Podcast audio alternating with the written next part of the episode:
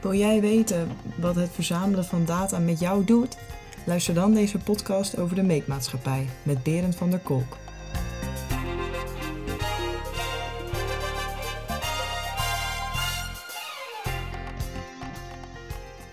Welkom bij de Nationale Data Podcast. De podcast met inspirerende gasten en inzicht over het gebruik van data, algoritmes en artificiële intelligentie in de publieke sector. Welkom eh, bij een nieuwe aflevering van de Nationale Data Podcast. Ik ben Marlijn Mulder, adviseur data-ethiek en vandaag de gast in de podcast is Berend van der Kolk, schrijver van het boek De Meetmaatschappij. Welkom Berend. Dankjewel. Leuk dat je vandaag bij ons in de podcast wil zijn. Uh, je bent universitair hoofddocent accounting aan de VU, waar we nu ook zijn. Dus dat is leuk dat dat weer kan.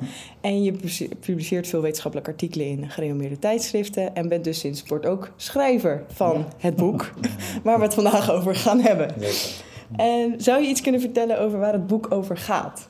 Zeker, ja. Het boek heet De Meetmaatschappij. En ehm, eigenlijk had ik als doel bij het boek... dat er zijn heel veel dingen die ik zie in, het, uh, in mijn eigen onderzoek. Die gaat over, dat gaat over prestatiemeting. Dus hoe meet je kwaliteit of prestaties van mensen in organisaties bijvoorbeeld. Maar ook, uh, dat doen we ook in ons eigen leven. Daar meten we ook van alles.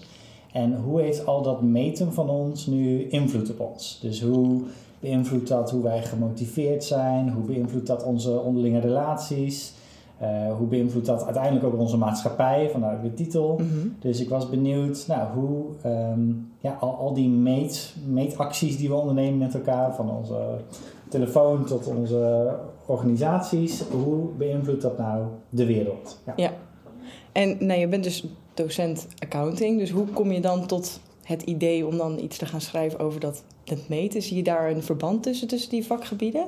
Ja, dat is een goede vraag. Ik denk, kijk, om iets in een cijfer uit te drukken, waar veel um, van mijn collega's en ook ik zelf me mee bezig houden, is hoe worden bijvoorbeeld jaarverslagen opgesteld, hoe wordt iets uitgedrukt in een mhm. cijfer wat vervolgens in Excel of in een andere database komt. Um, en kijk, om iets in een cijfer uit te drukken heb je natuurlijk nodig dat je het eerst gemeten hebt. Of dat er iets, een soort vertaalslag plaatsvindt van, van de wereld, die eigenlijk heel complex en moerastig en mhm. moeilijk is, uh, tot iets wat je in Excel kan zetten. Uh, En die vertaling is eigenlijk wat ik uh, onder de noemer meten schaar. Dus ik heb een beetje een breed, breed gevoel, een brede definitie bij het woord meten. Oké, oké. En maar je bent dan dus zelf ook onderzoeker. Mhm. Dus nou ja, goed, en je gebruikt ook best wel wat onderzoek in het boek zelf. Mhm. Dus hoe kijk je dan aan tegen die relatie tussen wat je onderzoekt en dat mhm. dat ook meetbaar is gemaakt en wat je dan zegt over het meten in het boek? Ja, goede vraag. Ja, ik heb bijvoorbeeld een onderzoek waarin ik ook de motivatie meet van mensen. Ja, bijvoorbeeld. Uh, En dat doen we ook met een vragenlijst. Dus dan hebben we ook al wat vraagjes en dan hebben we een like-it scale en dan druk je dat uiteindelijk uit in een cijfer en dan kun je iets zeggen over gemiddelde. Ja. Ehm, in het boek probeer ik niet alleen maar uh, bijvoorbeeld negatief te zijn over meten, maar probeer ik ook te zeggen van goh, je kan er ook van alles mee. Je kan mhm. bijvoorbeeld heel makkelijk patronen herkennen in de loop van de tijd. Of als je iets hebt uitgedrukt op een cijfer, kun je er ook heel makkelijk over communiceren. Ja. Dus, um, maar, uh, en dat is dus een van de punten uit het boek, ja. uh, dan, dan gebeurt er ook iets. Want als je iets in een cijfer hebt uitgedrukt, ja, dan verarm je ook een beetje informatie. Ja. En dat doen we dus zelf ook in onze onderzoeken. Ja. Ehm, maar dat stelt ons wel in staat om überhaupt iets te onderzoeken en te vergelijken met iemand anders. Ja, dus je ziet wel, een, een, het, er zit ook een hele grote positieve kant aan het meten zelf. Ja, nee, dat heeft, dat heeft, het heeft al die kanten tegelijk. Ja. En mijn indruk is um, dat we misschien met elkaar wel vaak wat positieve kanten van meten benadrukken. Of zeggen, mm baat het niet, dan schaadt het niet, dus laten we het maar meten of zo.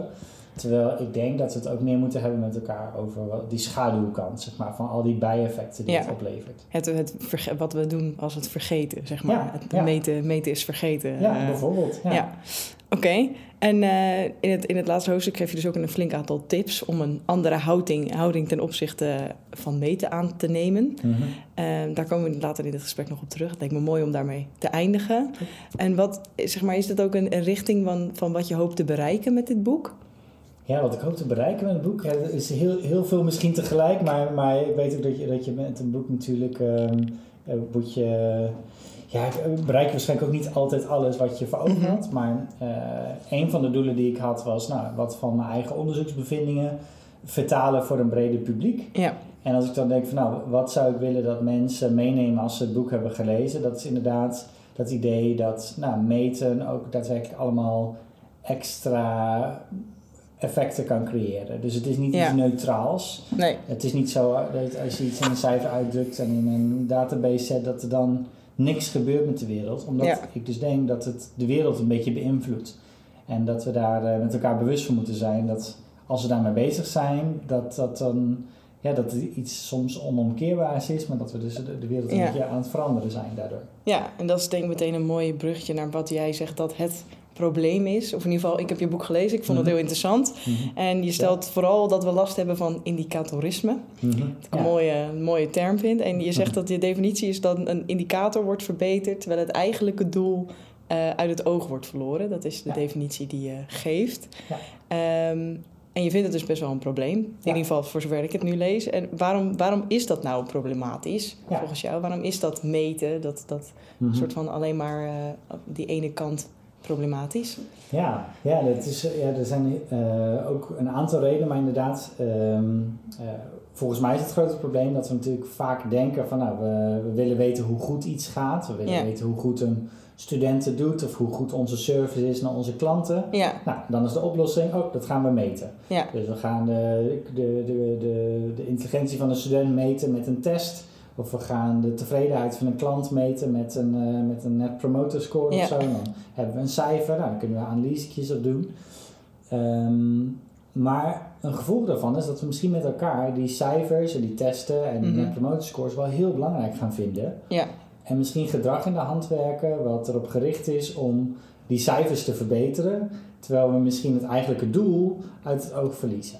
Ja. Dus als we even denken aan de student of eh, leerling, die kan zich bijvoorbeeld op termijn meer richten op het behalen van een hoog cijfer in plaats van op leren. ja, Want het kan zijn dat soms iets eh, wel belangrijk is om te leren, maar het zich niet heel direct vertaalt in een cijfer. ja, Of in de context van organisaties kan het zijn dat je wel op korte termijn misschien een net promoter score omhoog kan halen als jij eh, aan de juiste mensen de evaluatieformulieren stuurt. ja, Maar ja, dan geeft het helemaal geen getrouw beeld meer van eh, waar je eigenlijk geïnteresseerd in was. Namelijk die, of mensen tevreden zijn over de service of het product dat ze hebben ontvangen.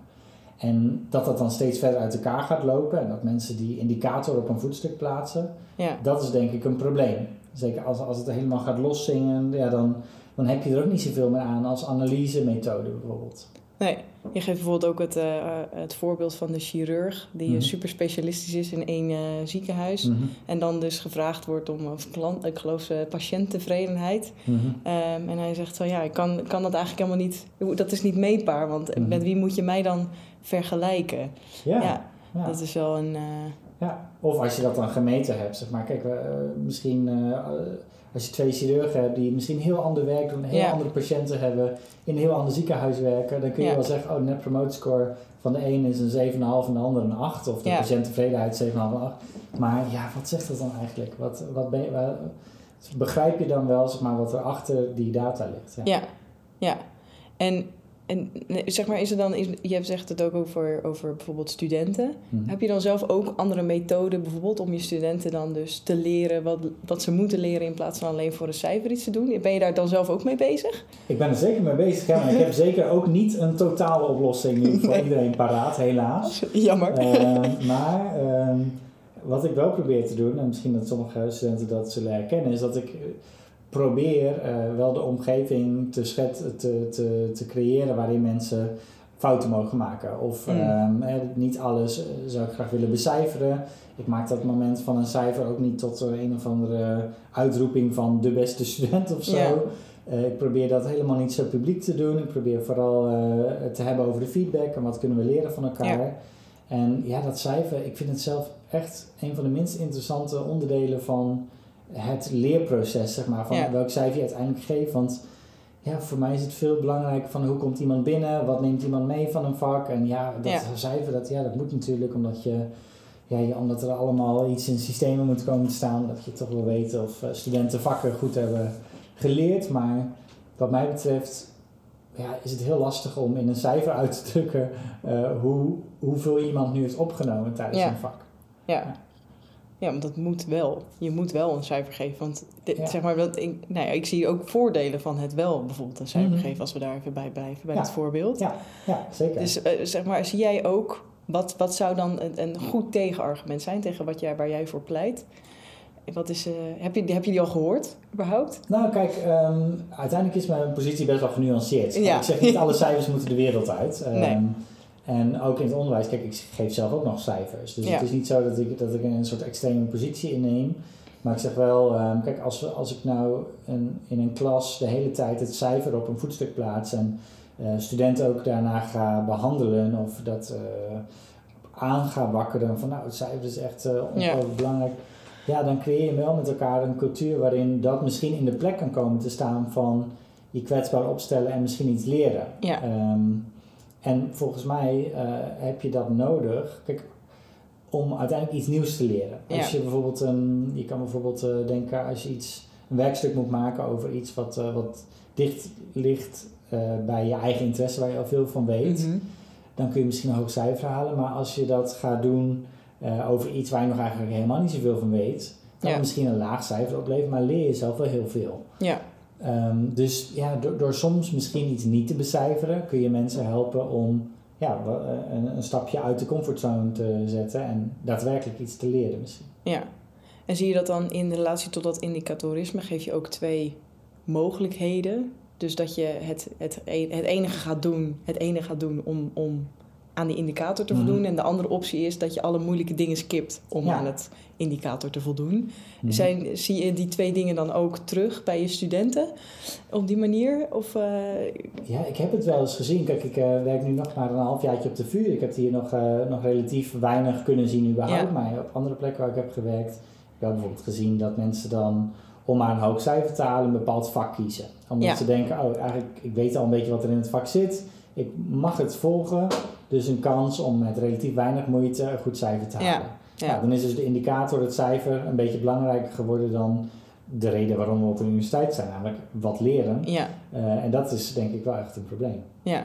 Nou ja, goed, het wordt, het wordt ook een probleem dat je afgerekend wordt op dat cijfer als je bijvoorbeeld eh, een bepaalde master wil gaan doen. Zeker, ja. Dus Dan wordt er niet zin- meer gekeken naar hoe heb jij moeilijke vakken gekozen om jezelf te ontwikkelen, maar hoe goed is je gemiddelde. Ja, nou ja, goed. En dat is dus ook iets waarvan ik denk, misschien moeten we daar een stapje verder kijken Ja. dan alleen, oh, je GPA is gemiddeld zoveel of je gemiddelde cijfer is gemiddeld zo hoog. Ja, Eh, dat is natuurlijk een vrij eh, arme benadering van, is iemand een goede student? Zeg maar, dat is, misschien moet je het aanvullen met eh interview of een soort motivatie waarom iemand bepaalde vakken of een bepaald profiel heeft gekozen. Dat lijkt me eigenlijk wel belangrijk om te weten.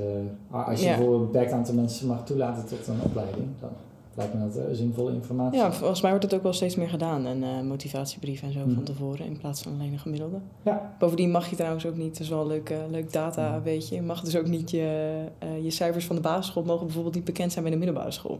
Ah, oké. Omdat, je dan, omdat iedereen met een schone lijn moet kunnen beginnen. Ja. Dus ook de universiteit weet ook niet precies wat jouw gemiddelde is, tenzij ze daar expliciet om moeten vragen, omdat je bijvoorbeeld Ja. een, nou ja, een ja, soort meting daarvoor hebt. Ja. Maar voor de rest weten zij dat dus niet. En kunnen ze dat dus ook niet inzien. Duo weet dat allemaal wel, maar Nee, precies. Ja. dus dat, eh, dat je echt een, ja, het is echt een bewuste keuze geweest om dat, eh, om dat zo in te richten, omdat je dan dus kan kiezen of opnieuw kan beginnen. Mhm. Stel, je bent op de basisschool enorm gepest Mhm. en op de middelbare school ga je naar een andere middelbare school, dan Mhm. kan je dus echt eh, opnieuw beginnen eigenlijk. En dan Ja. zie je nou, soms dat mensen juist heel hoge cijfers halen of het misschien veel slechter gaat of dat eh ligt eraan. Ja, Ja. Mooi. dat is wel... dat vond ik wel- nou, bijvoorbeeld wel echt een goed, eh, vind ik wel een goed systeem dat we Ja. dat hebben bedacht. Of in ieder geval daar goed over na hebben Ja, gedacht. dat er wat muurtjes eh, tussen zitten. Ja, Eh, ja, dat het niet Ja. allemaal eh, doorgestuurd wordt. Ja. Ja. Dus als ik het goed begrijp, is jouw oplossing dus ook niet per se het loslaten van alle indicatoren. Want die hebben ook voorbeelden, voor, voordelen. Mhm. Ehm, maar we moeten er wel anders mee omgaan. Ja, eerder een soort bewuster en matiger gebruik. Zeg maar gewoon eerder het meer doseren. Zeg maar, als je een vak geeft, niet elke presentatie hoeft een cijfer te krijgen of zo. Nee. Niet elke opdracht hoeft becijferd te worden.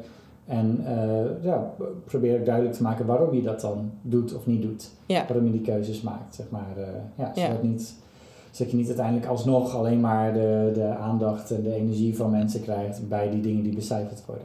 Maar merk je dan ook bijvoorbeeld dat mensen daar minder... Als je zegt van nou, we gaan deze presentatie doen, maar we gaan dat niet becijferen... Merk je dan ook dat mensen dan minder gemotiveerd zijn? Is dat, of of Nou, valt dat eigenlijk wel mee? Nou, dat is een goede vraag. Dat verschilt natuurlijk ontzettend per groep, per, per, Ja. per, per precieze plek, zeg maar. Ehm, ehm, maar wat je natuurlijk vaak merkt, juist omdat die druk om hoge cijfers te halen hoog is en groot is. Ja, eh, ik heb natuurlijk zelf vaak lesgegeven op universiteiten. Daar eh, voor uitwisselingsprogramma's moeten Mhm. mensen een bepaald cijfer hebben. ja, Dus daar is de druk ontzettend hoog. Dus wat je dan al snel ziet, is dat dan de aandacht eh afspakt ja, voor dat gedeelte wat je niet eh, becijfert. ja, En dat, eh, ja, dat is natuurlijk een probleem. Zeker als het het gevolg is van een ander vak, bijvoorbeeld wat wel in diezelfde week een toets heeft, wat wel becijferd Ja, wordt. Dus ja. het is, daarom zeg ik, het, is, het is niet een soort one-size-fits-all oplossing, maar ik denk nee, een bewustere inzet van nou, wanneer gaan we wel met cijfers aan de haal en wanneer niet. En wat zijn de bijeffecten, is wat mij betreft wel belangrijk. Ja, want je schrijft dus ook over de psychologische en de maatschappelijke effecten van ons meetgedrag. Mhm. de meetmaatschappij Mhm. ook. Ehm, vooral stress, eh, leren om te presteren en eh, onduidelijkheid over wat gemeten wordt, zijn voor jou eh, factoren die je noemt onder psychologische effecten. Mhm. Ehm, zijn er dan ook dingen die wat jou betreft nooit een indicator mogen worden, omdat ze bijdragen aan die psychologische effecten van meten? Dat is een goede vraag. Ik heb, ik, denk, ik heb er niet een 1, 2, 3 een antwoord op. Ik denk wel dat het ontzettend per context eh, afhankelijk is en hoe het gebruikt wordt. Ja. Eh, want ik noem maar wat hoor. Ehm, eh, hier bijvoorbeeld op de universiteit worden vakken beoordeeld Ja, door studenten. En dan geven ze op een schaal van 1 tot 5 of 1 tot 10 of zo Ja. aan wat ze ergens van vinden. Nou, dat, ik heb daar op zich helemaal niks op tegen. nee. Ehm, maar zo'n cijfer geeft natuurlijk niet een 100% totaalbeeld van wat er allemaal gebeurt in mijn lessen of zo. nee. Dit kan een aanleiding zijn om, eh, bijvoorbeeld voor mijn leidinggevende, om eens een keer een gesprekje te starten als studenten structureel heel ontevreden Ja. zijn. Hè, dan is dat een goede aanleiding om ze te vragen, goh, wat gebeurt er precies en hoe komt dat? En, Ja.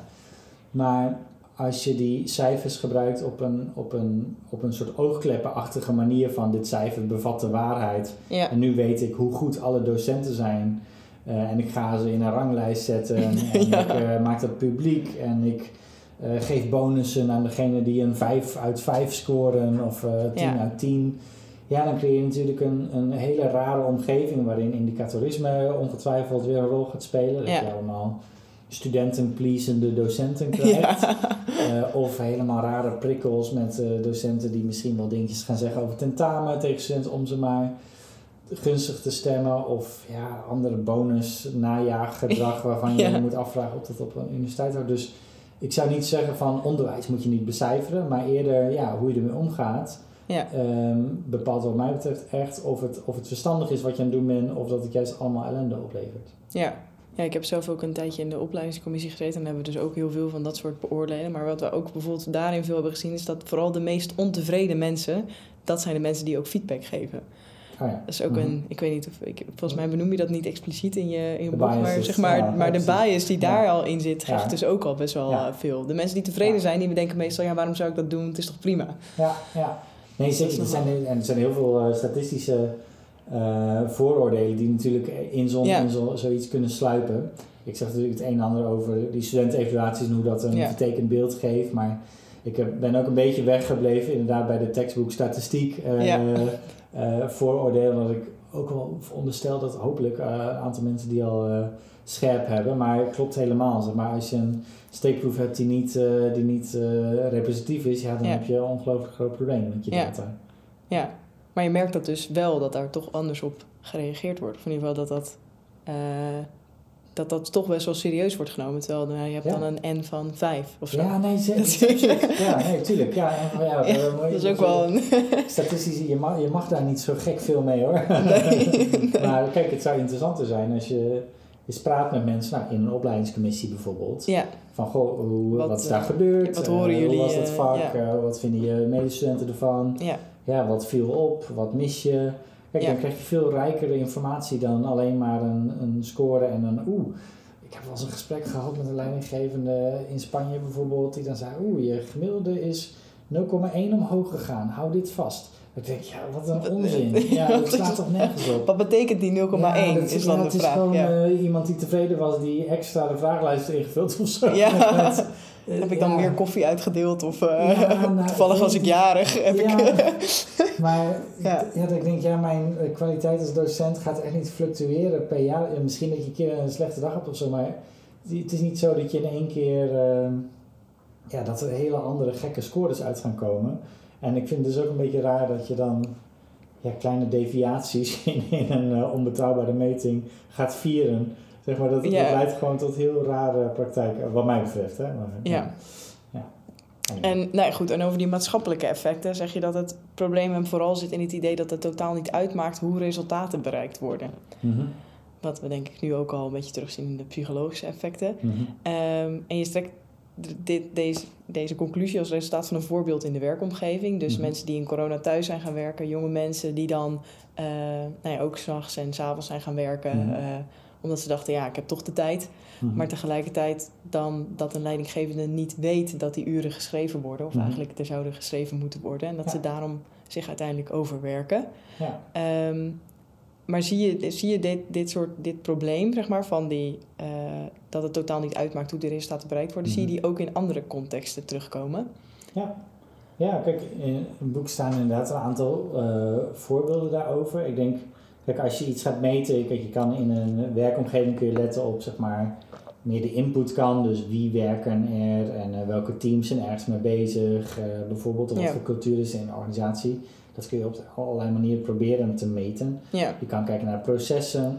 hoe vaak spreek je af met mensen? Hoeveel eh, belafspraken maak je? Hoeveel, hoe vaak ga je bij klanten langs? hoeveel Ja. uren maak je? En je kan natuurlijk ook kijken als derde naar de uitkomsten. Dus de resultaten die je boekt. Dus hoeveel, eh, de- hoeveel geld heb je binnengehaald voor de, voor de organisatie ja bijvoorbeeld. precies. Ja. Dat is dan een typische output control. Nou, ehm, wat je zag inderdaad door corona, dat het zicht op wat er precies gebeurt op de werkvloer, wat ontnemen, ontnomen werd Ja. bij de leidinggevende. En dat er behoorlijk gehamerd werd op, nou, alleen het resultaat telt. En goh, als jij dan tussenmiddag een lekkere wandeling wil maken, Ja, hè, dan mag dat. Je hebt die vrijheid. Dus Ja. we kijken alleen maar naar het resultaat. Nou, enerzijds klinkt het heel mooi. En ik denk dat we ook in heel veel advertenties tegenwoordig terugzien. Dat de resultaatgerichtheid is zeg maar de, ja, de deugd die we terug willen vinden bij al onze nieuwe medewerkers.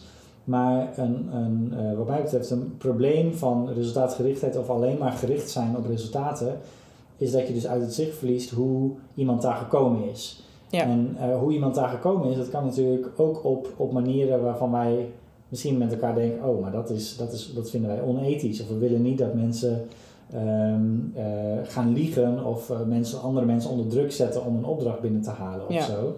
Terwijl, ja, als je alleen naar resultaten kijkt, dan, dan is het onzichtbaar. ja, Dus ehm, geef bijvoorbeeld ook het eh, voorbeeld van eh, mensen die gaan frauderen omdat ze dan maar ehm, een bepaald target willen halen. Eh, binnen Volkswagen was bijvoorbeeld de CEO ja, op een gegeven moment die zei van nou, we moeten de grootste producent worden. Nou, dat, dat doel is wel gehaald op een gegeven moment. Daar kun je niks op afdingen.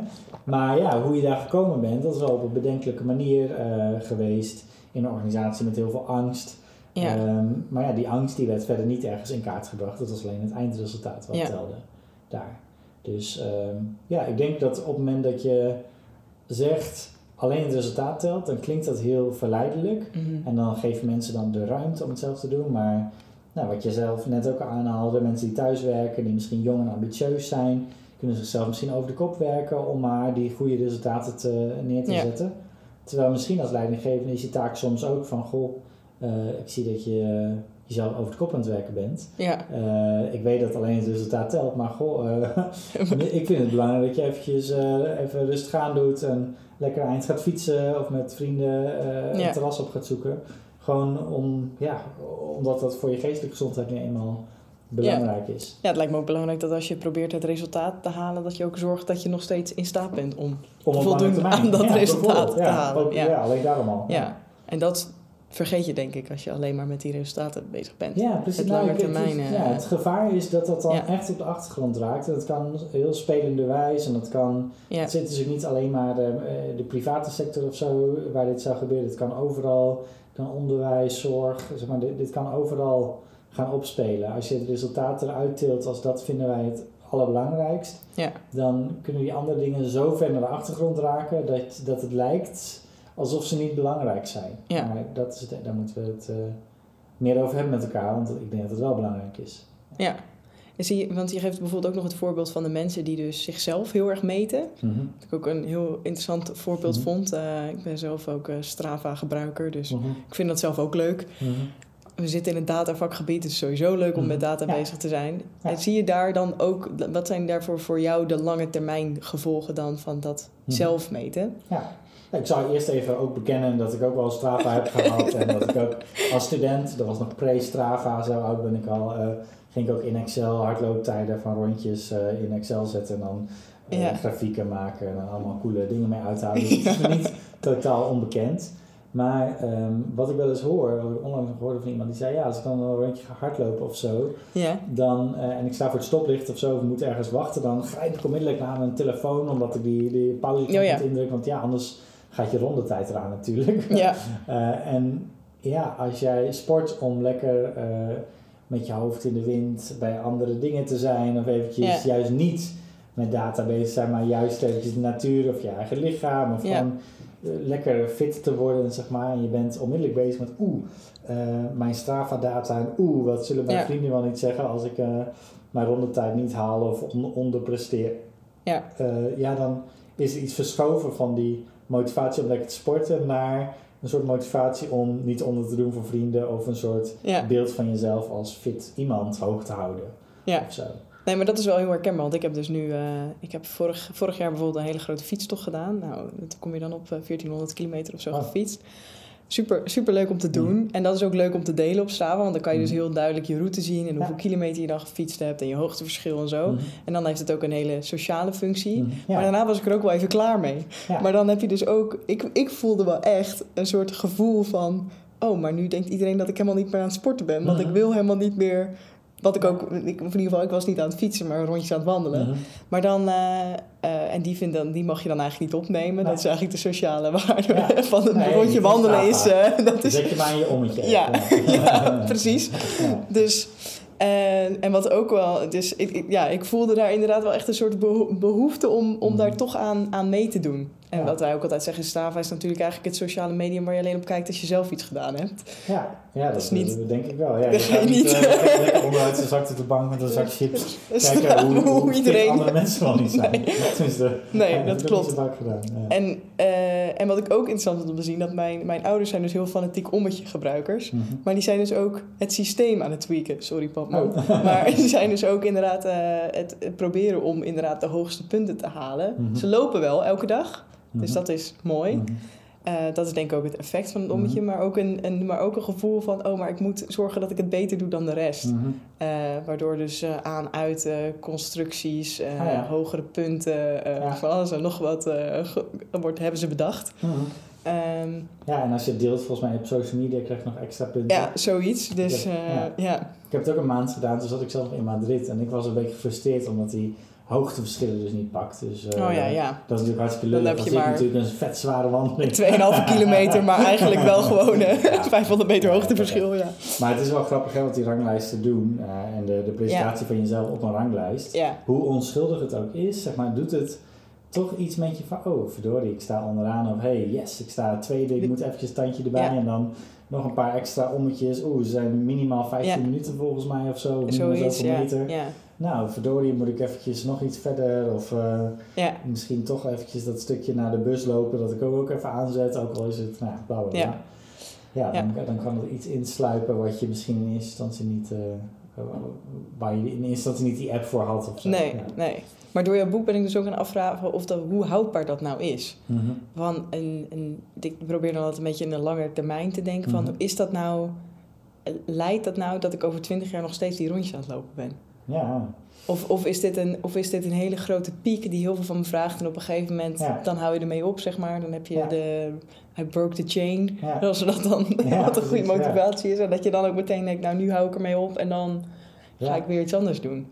Dat. Dat, ja, dat vind ik een... eh, Dat is een goede vraag. Ja. Ik durf er niet zoveel over te zeggen. En, eh, en misschien verschilt het juist nog weer per persoon en de sociale context. Maar ik denk wel, je hebt in de psychologie ook het eh, motivatie-uitdrijvingseffect bijvoorbeeld.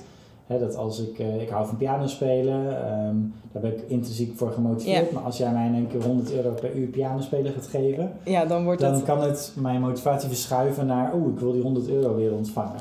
In plaats van dat ik graag piano speel. Ja, Dus Dus dan, en diezelfde verschuiving zou je met een beetje goede wil ook kunnen zien als je, als je alleen maar sport om, de, om het te kunnen delen met vrienden of iets dergelijks. Dus dat Ja. eh, zou Ja. kunnen. Maar ja, Ja. Het is, eh, ik heb niet sporters onderzocht zelf. Dus, eh, Nee. nee, nou goed. We hebben dus nu een aantal consequenties van het indicatorisme besproken. Ook even over de Mhm. Strava gehad. Ehm, je geeft ook tips aan het eind van je boek.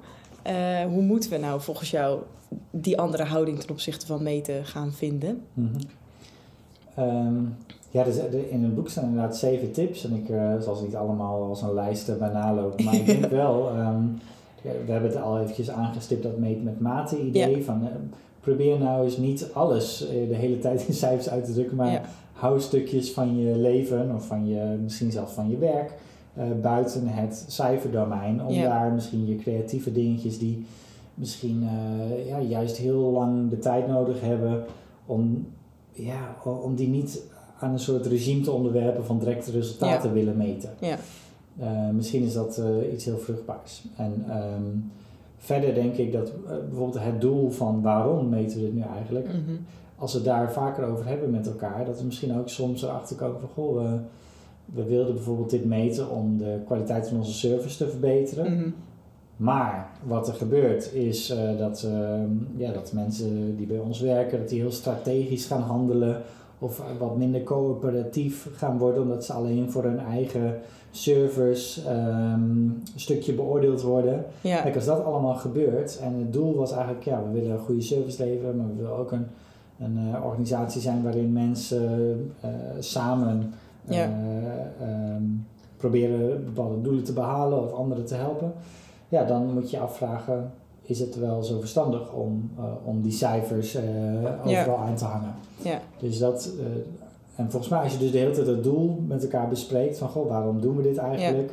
Waarom geven we les? Nou, onderwijskwaliteit, nou, die, die willen we verhogen. Ehm, maar als je nou iets doet, bijvoorbeeld door een meting, waardoor die onderwijskwaliteit juist wat wegcijpelt, omdat mensen wat heel veel tijd kwijt zijn met het meten, ehm, of het me- meten ook van, van Ja. eh, service, als dat heel veel tijd gaat kosten en dat evalueren van heel veel tijd gaat kosten, ja, Ja. Misschien moet je dan zeggen, oh, dit gaat ten koste van onze kerntaken of onze hoofddoelen. Dus misschien moeten we het dan juist weer achter ons laten. Ja. Dat kan niet zijn. ja, en ons publiek is dus vooral bezig met datagedreven werken, data Mhm. delen en AI-toepassingen. Dus wat is dan voor jou de belangrijkste tip die je deze groep mensen mee zou willen geven? Ehm, ja, ook misschien ehm, wees je ervan bewust dat meten dus niet een neutrale bezigheid is en dat, dat, dat het allerlei extra effecten oplevert. Dus dat Ja. als jij eh, iets laat bepalen door een formule of als jij iets uitdrukt in een cijfer, of dat nu de kwaliteit van ziekenhuizen is of, ehm, ja, of, of hoeveel kliks er doorgaan naar een bepaald product. Ehm, als je daar heel veel waarde aan gaat hechten en je klanten weten dat jij daar veel waarde aan gaat hechten, Ja, ja, dan beïnvloed je dus hoe mensen de realiteit benaderen. Dan eh, creëer, creëer je misschien een omgeving waarin er juist op dat indicatorisme wordt ingezet van nou, we willen een hoge click-through rate of zo. En dan, ja, dan kun je dat gaan optimaliseren, maar ja, dat eh, kan dan weer allerlei nieuwe problemen met zich meebrengen. Dus ik, ehm, ik denk dat het, ehm, het belangrijk is om, om dus de hele tijd wel bewust te zijn van de beperkingen van de meten, maar ook van de extra eh, bijeffecten die dat eh, kan hebben op mensen en organisaties. dankjewel. Eh even een luchtige afsluitende vraag.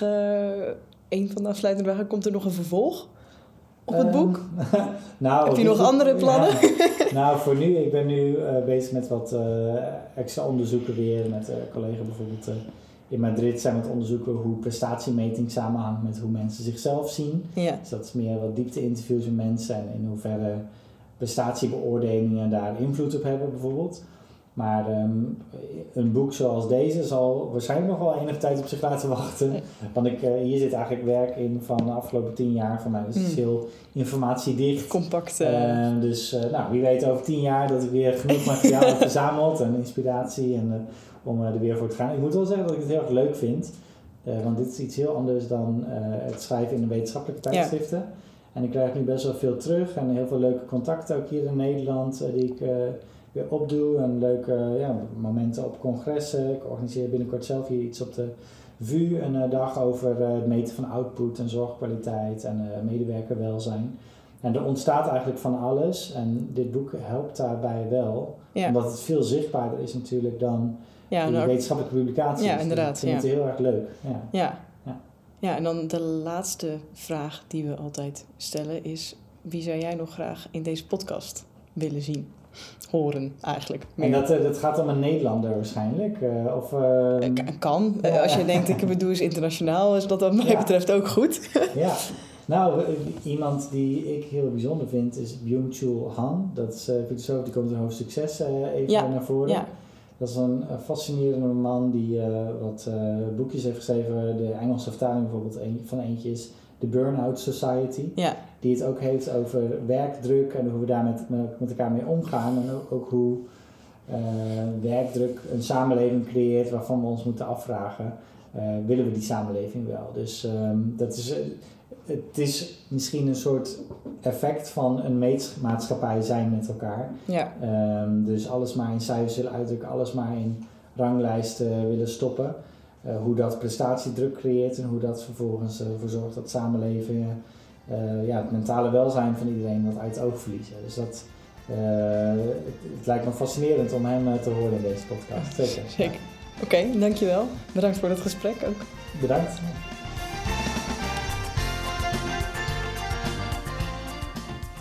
Hiermee zijn we aan het eind gekomen van deze aflevering van de Nationale Data Podcast.